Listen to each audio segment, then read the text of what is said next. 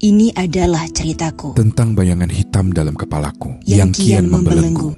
Ya, belakangan ini semua terasa makin memburuk ya. Apakah ini semua terlalu berat untukmu? Semua datang dan pergi begitu saja. Semakin terdiam, Semakin lebam, semakin membisu. semakin pilu membiru. Aku pun mencoba untuk memahami Aku juga mencoba untuk mengerti. bahwa orang lain pun merasakan hal ini. Terombang-ambing dalam keadaan yang tak pasti. Tenaga kesehatan terkuras, Perusahaan mengencangkan sabuk. perwakilan rakyat tidak mewakili siapa-siapa, menjadi pekerja pun tidak ada jaminannya. Bahkan beberapa dari mereka yang sedang dibela masa bodoh dengan perjuangan martir kita. Masih sempat saja mereka mencaci, "Kamu gila ya?" Gila, apa pernah sekali saja mereka berjalan di kaki ini? Apa pernah terbesit dalam pikiran mereka bahwa aku lelah?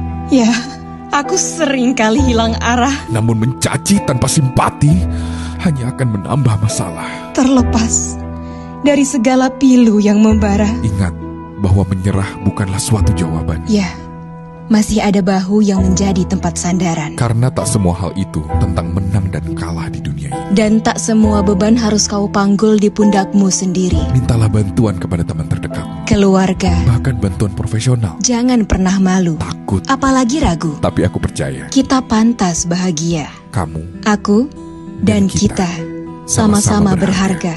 Jika rapuh memang bagian dari fase kemanusiaan, Maka transisi dan penyesuaian adalah proses pendewasaan. jangan pernah memilih untuk memutus harapan. Karena masih banyak hal indah di luar sana yang menunggu untuk kita temukan. World Mental Health Day 2020.